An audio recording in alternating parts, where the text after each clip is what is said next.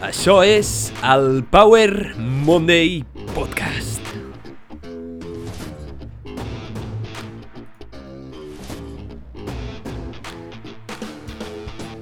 Benvinguts al Power Monday Podcast. Soc en Pau, el teu apassionat de fitness, inspiració i ciència. I en aquest podcast, cada setmana et porto un missatge, personatge, concepte o eina poderosa per ajudar-te a descobrir com desbloquejar la grandesa que tens dins teu i viure millor gràcies a la ciència, l'exploració i el coneixement. Estic molt agraït de que m'acompanyis avui i espero que aprenguis molt en aquest episodi. Som-hi! Aquest és l'episodi número 62 del Power Monday Podcast. Durant segles, el vinagre s'ha utilitzat tant per la llar com per la cuina. Però recentment, en els últims anys, s'ha popularitzat el seu ús per als seus beneficis per la nostra salut. Però en el moment en el que estem, amb les xarxes socials, qualsevol s'atreveix a dir qualsevol cosa sense demostrar-ho científicament, ni molt menys. I sabem que Ara mateix, la medicina popular i la pseudociència van molt donades de la mà. Però el vinagre, què hi ha de veritat en els seus beneficis? En aquest episodi t'aporto una mica de llum respecte a l'ús del vinagre de poma per la salut, els seus beneficis realment demostrats per la ciència i els possibles problemes. Si et quedes fins al final de l'episodi, et parlaré també de com prendre el vinagre de poma per treure'n el màxim benefici i els mecanismes d'acció biològics que justifiquen els seus beneficis. Tot això en aquest episodi. Som-hi! El vinagre és de fàcil accés, és barat i és un ingredient que s'utilitza tant a la cuina tradicional com a la cuina moderna a tot el món. Avui en dia, un dels vinagres més populars i que s'ha utilitzat més és el vinagre de poma. S'ha proclamat també que té molts beneficis per la salut, com ara la pèrdua de pes, propietats laxants, etc. En aquest episodi veurem quins són els beneficis certs, quins són els falsos i quins són els memes, perquè sembla que el vinagre es pugui utilitzar per tot. Abans de començar, que sàpigues que tots els links a tots els estudis que he analitzat en aquest episodi els pots trobar a la descripció, així com recursos útils que et poden ajudar a utilitzar conceptes basats en l'evidència per millorar la teva vida. Som-hi! Primer de tot, els vinagres es produeixen a tot el món a partir de diferents fonts d'hidrats de carboni, com ara sucs de canya, poma, arròs, raïm, dàtils, prunes i altres sucs de fruita. El vinagre de sidra de poma és el més estudiat i és un dels tres tipus de vinagre més comuns que es produeix per la fermentació, on bacteris i llevats converteixen els sucres de la fruita en sidra, d'etanol i després, amb un segon pas de la fermentació, converteixen l'etanol en àcid acètic. Fan dues fermentacions diferents. Aquesta solució àcida es consumeix a tot el món com agent aromatitzant, conservant en els aliments i, a més a més, aquesta solució, a part de tenir àcid acètic, conté una gran varietat de flavonoides o polifenols com l'àcid gàlic, la catequina, l'àcid cafeic i l'àcid ferúlic, que veurem que són importants. En aquest episodi he fet una petita revisió dels estudis científics i juntament coordinant això amb l'evidència uh, més, més aviat um, popular, amb l'evidència popular, amb l'ús popular que s'ha fet del vinagre, et porto els beneficis reals de l'ús del vinagre de poma. Som-hi, anem a veure quins hi han, perquè n'hi ha alguns que són realment fascinants. En primer lloc, el vinagre de poma s'ha fet famós a les xarxes per molts casos anecdòtics en els que la gent aconsegueix perdre pes ràpidament. Però què diu realment la ciència? Doncs bé, hi ha diferents estudis. Hi ha estudis ben fets i estudis mal fets. Els estudis ben i mal fets ens poden portar a conclusions diferents i, a vegades, a les xarxes socials ens precipitem a jutjar que una cosa funciona molt bé quan no funciona. Però, en el cas del vinagre de poma, un estudi a Japó va comparar tres grups que seguien la mateixa activitat física i dieta, però a un grup els hi van donar vinagre de poma, a l'altre grup els hi van donar una dosis més elevada de vinagre de poma i en el tercer grup no li van donar res. El resultat d'aquest estudi japonès va ser fascinant i va portar el vinagre de poma a les xarxes socials. El resultat va ser que en un sol mes aquells que prenien vinagre de poma tenien una pèrdua de pes superior tot i consumir les mateixes calories comparat amb el grup control, amb el grup placebo. I, de fet, el grup que va perdre més pes és aquell que prenia més dosis de vinagre de poma. El grup control va guanyar, de fet, pes i els dos grups d'intervenció van perdre 2,3 quilograms en 12 setmanes, 3 mesos. Potser no sembla molt, però el que van aconseguir va ser perdre pes només pagant uns cèntims d'una cosa que és tan barata com la, el vinagre de poma sense canviar la seva dieta ni la seva activitat física, només afegint una mica de vinagre al menjar. Però en aquest estudi van anar encara més enllà i van mirar el percent de greix amb un escàner. És a dir, miraven el greix visceral dels individus que participaven a l'estudi i com variava al llarg de les 12, 12 setmanes, els 3 mesos. Els resultats van ser fascinants. Es va veure que aquells que prenien vinagre de poma perdien greix corporal de manera considerable, és a dir, el pes que perdien estava relacionat amb el greix. I com veurem més endavant, això és molt important, perquè és el pes que volem perdre. No volem perdre pes en aigua, volem perdre pes en greix, que és el que és realment perjudicial. Tot i això, hi ha una revisió sistemàtica recent de 25 estudis, publicada el 2020, que ens diu que l'evidència encara no és suficient per treure conclusions sobre la pèrdua de pes amb un efecte lleugerament positiu. Els estudis en, en animals sí que ens indiquen que realment té un gran potencial i els estudis en, en humans són més aviat positius, és a dir, afavoreixen a la intervenció més que el control, però tenim un problema i és que molts estudis estan mal fets i tenen molts conflictes d'interessos o tenen una mala preparació dins de l'estudi i llavors no podem extreure una conclusió realment ferma d'això. A part d'això, no hi ha gaire interès de promoure estudis que ajudin a vendre més vinagre de poma, perquè el vinagre de poma no és que sigui molt rentable. La conclusió de tots els estudis en pèrdua de pes amb l'ús de vinagre de poma és la següent, i és que el vinagre de poma realment ha demostrat que et pot ajudar a perdre pes i, sobretot, perdre greix, que és el que ens interessa realment. Està clar que en primer lloc anirà la dieta i l'exercici físic i mantenir un estil de vida saludable, però realment el vinagre pot ser una gran ajuda a l'hora de perdre pes i veurem els mecanismes després. Ara anem per al segon benefici de l'ús de vinagre de poma. S'ha demostrat la recerca ha demostrat que prendre vinagre de poma disminueix els nivells de glucosa i insulina postpandrial, és a dir, els nivells de glucosa i insulina després de menjar. Això és un gran què, perquè el sucre en sang alt és òbviament dolent per l'organisme, però a més, els nivells alts d'insulina, en realitat el que faran és emmagatzemar greix en lloc de cremar greix. La insulina és una hormona que s'allibera quan hi ha un pic de glucosa en sang i fa que aquesta glucosa entri a les cèl·lules i s'emmagatzemi energia. De manera que prendre vinagre de poma ens ajuda amb dos problemes relacionats amb malalties metabòliques com l'obesitat, l'hipertensió, el síndrome metabòlic i la diabetis tipus 2. A part d'aquest efecte, n'hi ha un altre. Hi ha investigacions en humans que ens demostren que el vinagre de poma augmenta la sensació de sacietat. És a dir, si fas servir vinagre de poma com et diré al final en aquest episodi, no tindràs tanta gana, perquè el vinagre de poma augmenta la sensació de sacietat, tens menys gana. Això s'ha demostrat en estudis amb dejú i amb dejú intermitent, on les persones que prenien vinagre de poma tenien la sensació de, de, de gana o la sensació de sacietat diferent, és a dir, no necessitaven picar tant. Per què és important això? Perquè prendre vinagre de poma et pot ajudar a augmentar el temps que passes en dejú de manera més còmoda. És a dir, et pot ajudar a no picar entre hores i ajudar a trobar-te millor durant el teu dejú, perquè no tens ganes. Si fas un dejú ni d'un dia o de dos dies, pot ser millor. A més, com et parlaré en final, es pot utilitzar també per trobar-te millor en un dejú llarg, en un dejú prolongat.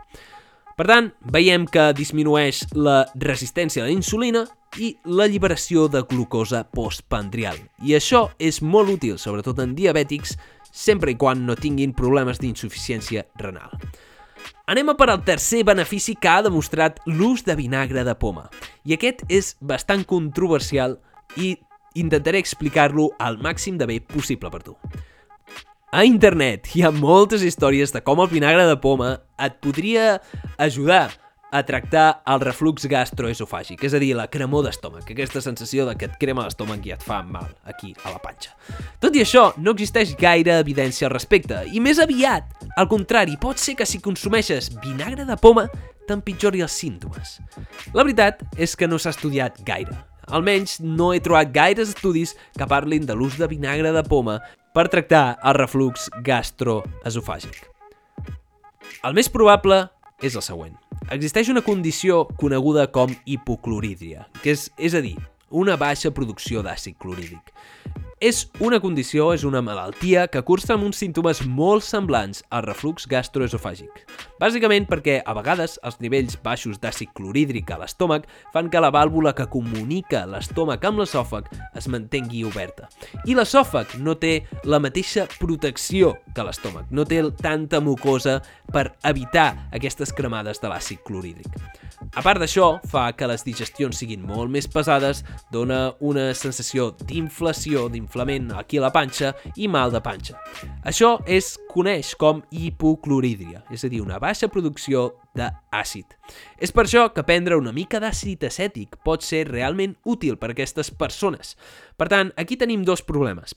El reflux gastroesofàgic que ve donat d'una úlcera o d'un problema estomacal o d'una hipoclorídria.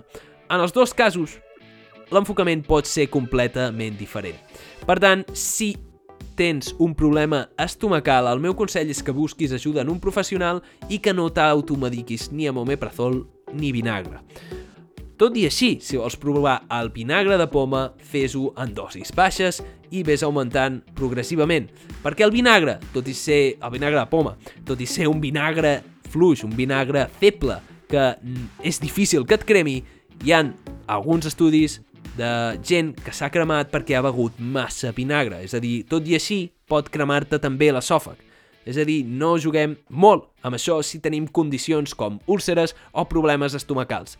Per últim, s'ha vist que el vinagre de poma podria ser d'ajuda amb l'Helicobacter pylori, però això està una mica en controvèrsia, és a dir, l'ús de vinagre de poma per atacar aquest bacteri tan resistent que pot arribar a viure a l'estómac.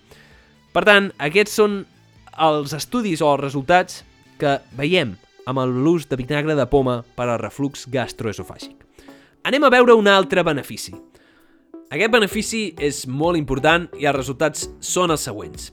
D'un estudi de nou estudis, un metaanàlisis de nou estudis randomitzats d'intervenció, és a dir, la millor evidència que tenim en el món pràcticament, va observar que consumir el vinagre de poma ajudava a disminuir el colesterol total i millorar les concentracions d'hemoglobina glicada i el sucre en sang de manera significativa. Això és molt important, perquè quan ajuntem molts estudis, l'evidència es consolida. És a dir, no és el mateix dir que un estudi ha demostrat això, però quan ho diem que nou estudis diferents, amb dissenys semblants però alhora diferents, les variables es van es van eliminant moltes variables i es van eliminant factors de confusió. Per tant, l'evidència és més clara quan parlem d'un metaanàlisis de nou estudis randomitzats d'intervenció. Veiem, doncs, que aquells que prenien vinagre de poma van aconseguir disminuir el colesterol total uns 6 mg per decilitre i la glucosa en dejú 8 mg per decilitre. Només per prendre uns 15 ml diaris durant 8 setmanes. A part d'això, també s'ha demostrat que el vinagre de poma pot ser útil per disminuir la pressió arterial. Llavors, per què és tan important això? Per què és tan important disminuir, encara que sigui per poques unitats, la glucosa en sang, el colesterol total i la tensió arterial? És molt important perquè aquests són els principals factors de risc de mort cardiovascular, que és el principal causant de mort en el món. També són grans marcadors de risc i factors de risc de malalties metabòliques, com el síndrome metabòlic, com l'obesitat, com la diabetis, com el fetge gras no alcohòlic. Totes aquestes malalties derivades de l'estil de vida, en el que aquests marcadors s'eleven, el colesterol, el sucre en sang, s'eleva la tensió arterial i ens porten a la primera causa de mort, que és la mort cardiovascular. Et falla la patata, et falla el cor quan els satures menjant i vivint malament. Així que aquest fet de consumir vinagre de poma constantment, pocs mil·lilitres, cada dia, has, ha demostrat que ens ajuda a disminuir els principals marcadors de mortalitat del món principals marcadors de mortalitat del món. Poques coses et fan això per tants pocs diners, per cèntims. El vinagre de poma és exageradament barat, fàcil de consumir i accessible per tothom. Tot junt, el fet de que et controla sacietat, el fet de que et pot permetre disminuir el greix corporal, et pot ajudar a perdre pes i a més millorar el teu perfil lipídic, la resistència a la insulina i els pics de glucosa en sang, ens expliquen i ens demostren que realment el vinagre de poma pot ser una gran eina per fer front a la gran epidèmia que estem vivint avui que no és el coronavirus, sinó les malalties no transmissibles, derivades de l'estil de vida, d'un estil molt allunyat del que vivien els nostres ancestres. Un estil de vida molt sedentari, sense exercici físic, on mengem menjars processats constantment i estem tot el dia mirant Netflix. Llavors, vinagre de poma pot ser una gran eina per mantenir una mica millor la salut. Llavors, ara ens queda un últim benefici. He deixat el millor benefici pel final i és el més curiós de tot. Aquest va, aquí va, el, el benefici més curiós de tot. Les rampes musculars. I és que el vinagre de poma ha demostrat que pot fer front, pot ajudar-te a curar les rampes musculars. I dic curar, perquè sí, efectivament les pot fer desaparèixer. Les rampes són aquelles contraccions musculars tan pesades que et passen a vegades quan estàs dormint i no entens molt bé per què. També et poden passar quan fem esport, quan fem esport d'alt rendiment o fem esport d'alta duració, en el que de cop un múscul se'ns contrau molt fort i no es relaxa, no hi ha manera de baixar-lo. A mi, personalment, em passa quan nedo. Quan nedo a la piscina, el pont, és a dir, el múscul que tens a la planta del peu, que de, sobretot el del dit, dit gros del peu, el polze del peu, se'm contrau i em queda així, el, el, el peu ben contret que em fa un mal increïble. El cas és que el vinagre de poma ha demostrat que pot reduir les rampes entre 30 segons i un minut. Però com? Com pot ser? Si quan ens prenem una cosa per via oral, l'estómac necessita uns 30 o 60 minuts per absorbir-ho, sigui el que sigui. Doncs es veu que és possible, perquè tot depèn de l'origen de la rampa. Es creu que les rampes musculars es poden deure per dos motius. Un, per al cansament i la falta d'electrolits, quan el múscul està molt cansat i calent, fa que això es contracturi. I el segon problema és un problema de senyalització neuronal. Un problema en el que el cervell envia senyals errònies i fa que el múscul es contragui contínuament. Probablement, la raó pel per la qual tenim contractures i rampes musculars es deugui als dos. Una falta d'electrolits i alhora un problema cerebral. Pot ser que la falta d'electrolits indueixi a una mala senyalització neuronal. Amb el vinagre de poma passa una cosa realment increïble, i és que quan ens el prenem és capaç d'inhibir aquest reflex que s'ha instaurat en el cervell de contracció constant dels músculs. Causa un alliberament d'acetilcolina que fa que s'aturi aquest reflex i el múscul torni a la normalitat. Elimina completament aquesta mala senyalització del cervell. Però com pot passar si no s'absorbeix? Doncs passa per via orofaringia, és a dir, passa per la boca. Aquest reflex es pot inhibir simplement glopejant vinagre. No fa falta que te l'empassis, i això s'ha demostrat no només amb vinagre de poma, sinó amb el vinagre dels sucs de conserva típic de pepinillos o d'olives. Això també et podria ajudar qualsevol cosa que tingui vinagre. El mecanisme no s'acaba d'entendre del tot, però probablement l'àcid indueixi la inhibició d'aquest reflex per una activació del sistema digestiu. D'alguna manera, aquest pic d'acetilcolina causa la inhibició del reflex. Per tant, si et despertes amb una rampa que no se'n va a la nit, a les 2 de la nit, pots fer-te un xupito de vinagre de 15 mil·lilitres. I això et traurà en menys d'un minut per inhibició del reflex la contractura, la rampa muscular. En esport també s'ha demostrat el mateix, però el problema és que és bastant difícil estudiar les rampes musculars, perquè no pots induir rampes musculars i anar provant a veure què funciona. És molt difícil causar, um, des d'un punt de vista clínic, causar una rampa muscular a una persona per després veure a veure quin és el millor tractament. Però el que sí hem vist és que el vinagre de poma és molt, molt efectiu. De 30 segons a un minut i desapareix la contractura. Tinc ganes de provar-ho personalment, no sé per què, ara tinc com un desig de que em vingui una rampa per poder anar a la cuina, fotre'm un xupito escarós de vinagre i veure si realment s'inhibeix el reflex. Però els resultats són realment increïbles i són bastant recents de que realment el vinagre de poma pot ajudar-te molt a fer front a les rampes musculars. El recomano per qualsevol esportista i per aquelles persones que durant la nit tenen problemes per dormir perquè els hi veu una rampa. Increïble, el resultat és increïble. Llavors, tots els beneficis aquests estan molt bé, però com s'expliquen? Com pot ser que ens ajudi per les rampes, però també ens ajudi per millorar la sensibilitat a la insulina, la glucosa en sang, ens ajudi a perdre pes, a cremar greix i també, a més a més, ens ajudi a millorar el nostre perfil lipídic, és a dir, el colesterol total, el sucre en sang i la tensió arterial. Quins són els mecanismes biològics? Com bé saps, m'encanta la fisiologia, com funciona el cos, i crec que és important entendre com funciona aquesta màquina tan complexa que és el nostre organisme per entendre com podem resoldre els problemes que apareixen.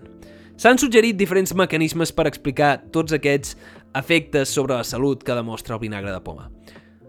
Anirem per parts. En primer lloc, com pot ser que beure vinagre faci que millori els teus nivells de sucre en sang? Aquestes propietats antiglucèmiques es deuen a diferents mecanismes. En primer lloc, prendre vinagre de poma ha demostrat que causa un buidat gàstric més lent. És a dir, fa que l'estómac alliberi el menjar que ja ha digerit de manera més lenta a l'intestí, que és on s'absorbeixen els nutrients. Això fa que el pic de glucosa sigui més estable, és a dir, que no pugi tant de cop i per tant els nivells de glucosa i insulina que s'alliberen en resposta a la glucosa siguin més estables. Això és molt important per mantenir estabilitat al llarg del dia, ja que quan prenem coses que tenen sucres molt disponibles i ens causen un pic d'insulina molt gran, fa que emmagatzemem molt més greix i que ens trobem molt pitjor, perquè ens trobarem que això afecta també a la nostra sacietat i a la nostra sensació de gana. No volem pics d'insulina, no volem aquests, aquestes, aquests canvis tan bruscos en el nivell en sucre. Això no és bo per al teu cos. El que volem és que sigui estable i que estiguem bé tot el dia. Llavors, a part del buidat d'estómac lent, també tenim l'inhibició de l'activitat de l'enzima disacaridasa. Aquesta enzima, enzim, és l'enzim que es dedica a trencar els sucres, els disacàrids. Per tant, veiem que l'àcid acètic inhibeix aquest enzim. Per tant, si no es trenquen els disacàrids, formats per dos monosacàrids, no absorbirem tants sucres i el pic de glucosa serà més baix. Fins i tot podem dir que absorbirem menys calories, tot i menjar el mateix. Això ens passarà amb tots aquells plats que siguin molt rics en carbohidrats si prenem àcid acètic o si prenem vinagre de poma abans de menjar. En tercer lloc, veiem que millora la sensibilitat a la insulina i que promou la producció de glucogen. A l'hora de perdre pes tenim altres mecanismes, altres explicacions. En primer lloc, es veu que el vinagre de poma, o el vinagre, pot activar la via de la proteïna quinasa, és a dir, la via AMPK, una via destinada a cremar energia. Això causa que consumim més energia i causa un efecte crema grasses, podríem dir, tot i que molt lleu. En segon lloc, s'augmenta la secreció d'insulina, també augmenta la sacietat postpandrial, això que parlàvem abans de que regula la sensació de gana que tens al llarg del dia i redueix el consum d'energia. Això es relaciona directament amb perdre pes. Però no tots els mecanismes es deuen només a l'àcid acètic. Molts i gran part dels beneficis que podem veure del vinagre de poma es deuen als polifenols, aquests components que tenen de plantes com l'àcid cafeic, com les catequines i altres polifenols que han demostrat que tenen un efecte antioxidant i que tenen efectes beneficiosos per al teu cos, millorant el teu perfil del colesterol i la teva tensió arterial. Aquests beneficis probablement s'expliquin més aviat per als polifenols. Per tant, veiem que els mecanismes d'acció estan més o menys clars Sobretot es relacionen amb la, el buidat gàstric i l'efecte dels polifenols. Aquests dos serien els més importants. I ara que t'he vengut tan bé el vinagre de poma, anem a veure si et pot fer mal. Anem a veure si pot tenir efectes perjudicials, perquè com bé sabem, qualsevol medicament o qualsevol suplement pot tenir efectes adversos. La resposta és complicada i és una resposta una mica política. I la, la veritat és que hem d'anar amb moderació. Realment, no és tan segur com pugui semblar a priori si no s'utilitza adequadament. sobretot per a aquelles persones que tenen problemes de ronyons o són diabètics o estan prenent certs medicaments, hem d'anar molt en compte. Llavors, amb la medicació amb la que hem de vigilar són els diurètics, com la furosemida, la hidroclorotiacida, aquells medicaments que et fan perdre aigua i certs minerals, aquells medicaments que s'utilitzen per regular la pressió arterial o per certs edemes. En aquest cas, hauríem de considerar amb un metge si podem administrar vinagre per aquests beneficis. I en segon lloc és quan tenim un problema de funció renal. Quan tenim una mala funció renal, quan els nostres ronyons no funcionen, que són els òrgans destinats a netejar tot l'organisme i ajudar-nos a orinar i regular el nivell de pressió arterial que tenim i tots els fluids, hem d'anar amb compte a l'hora de prendre vinagre de poma perquè ens la pot alterar, igual que ens pot alterar l'efecte dels medicaments que regulen la pressió arterial, com he dit abans. L'últim problema que té el vinagre de poma, si no es consumeix bé, i ara veurem com s'ha de consumir adequadament per no tenir aquests problemes, és que el ser àcid realment et pot cremar la, cremar la mucosa i sobretot el problema que s'ha vist és que et pot danyar les dents. Pot tenir un efecte negatiu en l'esmalt dental perquè l'àcid pot desfer una mica les dents i això no ens interessa, però això ho podem solucionar d'una manera bastant fàcil. Anem a veure, doncs, com hem de prendre vinagre de poma per treure'n els màxims beneficis.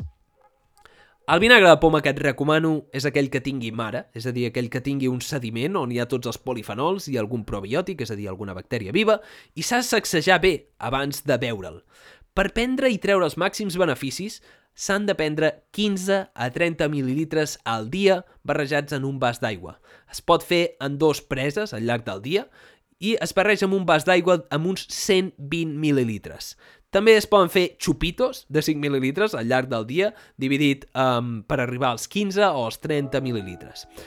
La veritat és que aquesta dosis, de 15 a 30 mil·lilitres, és com s'han fet els estudis i han demostrat tots els beneficis de pèrdua de pes, de millora de la sensibilitat a la insulina, de nivells de glucosa en sang, tots aquests beneficis que ha demostrat. No et recomano fer-te un xupito de vinagre, et recomano barrejar-ho amb 120 mil·lilitres d'aigua, perquè si veus, al ser tan acídic, pot afectar directament a la teva salut bucodental i danyar l'esmalt dental.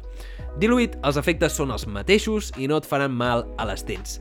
A part, no et recomano fer un xupito, perquè jo ho he provat i no és la millor experiència del món, val? Beure vinagre directament no te recomano gaire. A part d'això, també es pot consumir posant-lo en salses, en amanides, um, i els beneficis són realment molt semblants. De fet, hi ha un estudi on es van veure els mateixos efectes de millora de nivell postpandrial, és a dir, després de menjar del sucre, en amanides alinyades amb vinagre. També es pot veure amb el vinagre, vinagre balsàmic de Mòdena, s'ha vist beneficis, sobretot quan no té tant sucre. Intenta que el teu vinagre balsàmic de Mòdena no tingui tant sucre, perquè els beneficis no seran els mateixos i probablement sigui perjudicial, perquè en realitat li estàs ficant una mica de vinagre amb tot de sucre. Llavors els beneficis seran al revés, seran, et perjudicarà més que et beneficiarà. Addicionalment, el vinagre de poma es considera procetogènic, és a dir, és una beguda o és un aliment que pots prendre quan estàs en dejú o quan estàs intentant treure els beneficis de dejú o estàs en una dieta cetogènica, una dieta que no et recomano per res, um, a no ser que tinguis un cas molt particular i et recomano que si vols fer una dieta cetogènica ho consultis amb un nutricionista. Quan estem en dejú, es fa una transició metabòlica en el que passem de consumir sucres, el nostre cos passa de dependre de sucres a dependre de greixos, de cossos cetònics. Al fer aquesta transició metabòlica, normalment ens trobem una mica malament. Es coneix com el keto flu o el refredat keto. En aquest cas, podem prendre vinagre de poma que aportarà electrolits i millorarà aquesta sensació de malestar. Això es coneix com a Ketorade i és una beguda que intenta assemblar-se al Gatorade o a l'Aquarius, però que seria beneficiós en el cas d'un dejú i que no et trencaria el dejú. Aquesta beguda es pot fer barrejant uns mil·lilitres de vinagre de poma, sense passar-se, amb una mica de suc de llimona, una mica d'estèvia i una mica de sals. Unes sals per ajudar a recuperar els electrolits, que es perden bastant quan estem en dejú, a un ritme bastant superior. Si vols més informació sobre el dejú prolongat, tinc un episodi en el que parlo exactament d'això i de què diu la ciència sobre aquest tipus de dejú. Això, com t'he dit, es diu Ketorate i es pot fer servir per millorar el dejú. Aquests són els beneficis increïbles que ha demostrat el vinagre de poma. La veritat és que els beneficis no és que siguin un miracle, hem de ser sincers, no et curaran el càncer, no et curaran l'obesitat, però realment el vinagre de poma és una gran eina. És una molt bona eina perquè és molt barata, accessible, segura i que tothom pot utilitzar pràcticament si no es passa. Hi ha un cas particular d'una persona que bevia vinagre constantment, va haver d'acudir a urgències amb cremades per tot l'esòfag per haver begut massa vinagre, perquè al final és un àcid. I aquest àcid acètic et pot danyar també l'esmalt dental i pot interaccionar amb els medicaments que prens, sobretot els diurètics. Per tant, si utilitzes el vinagre de poma amb sentit comú, amb les dosis recomanades de 15 a 30 mil·lilitres dilu diluïts en 120 mil·lilitres d'aigua, un vaset d'aigua, dilueixes 15 mil·lilitres, que sàpigues que 15 mil·lilitres és una, és una cullerada supera, una cullerada supera, és a dir, pots fer dues cullerades superes al dia i veuràs els màxims beneficis.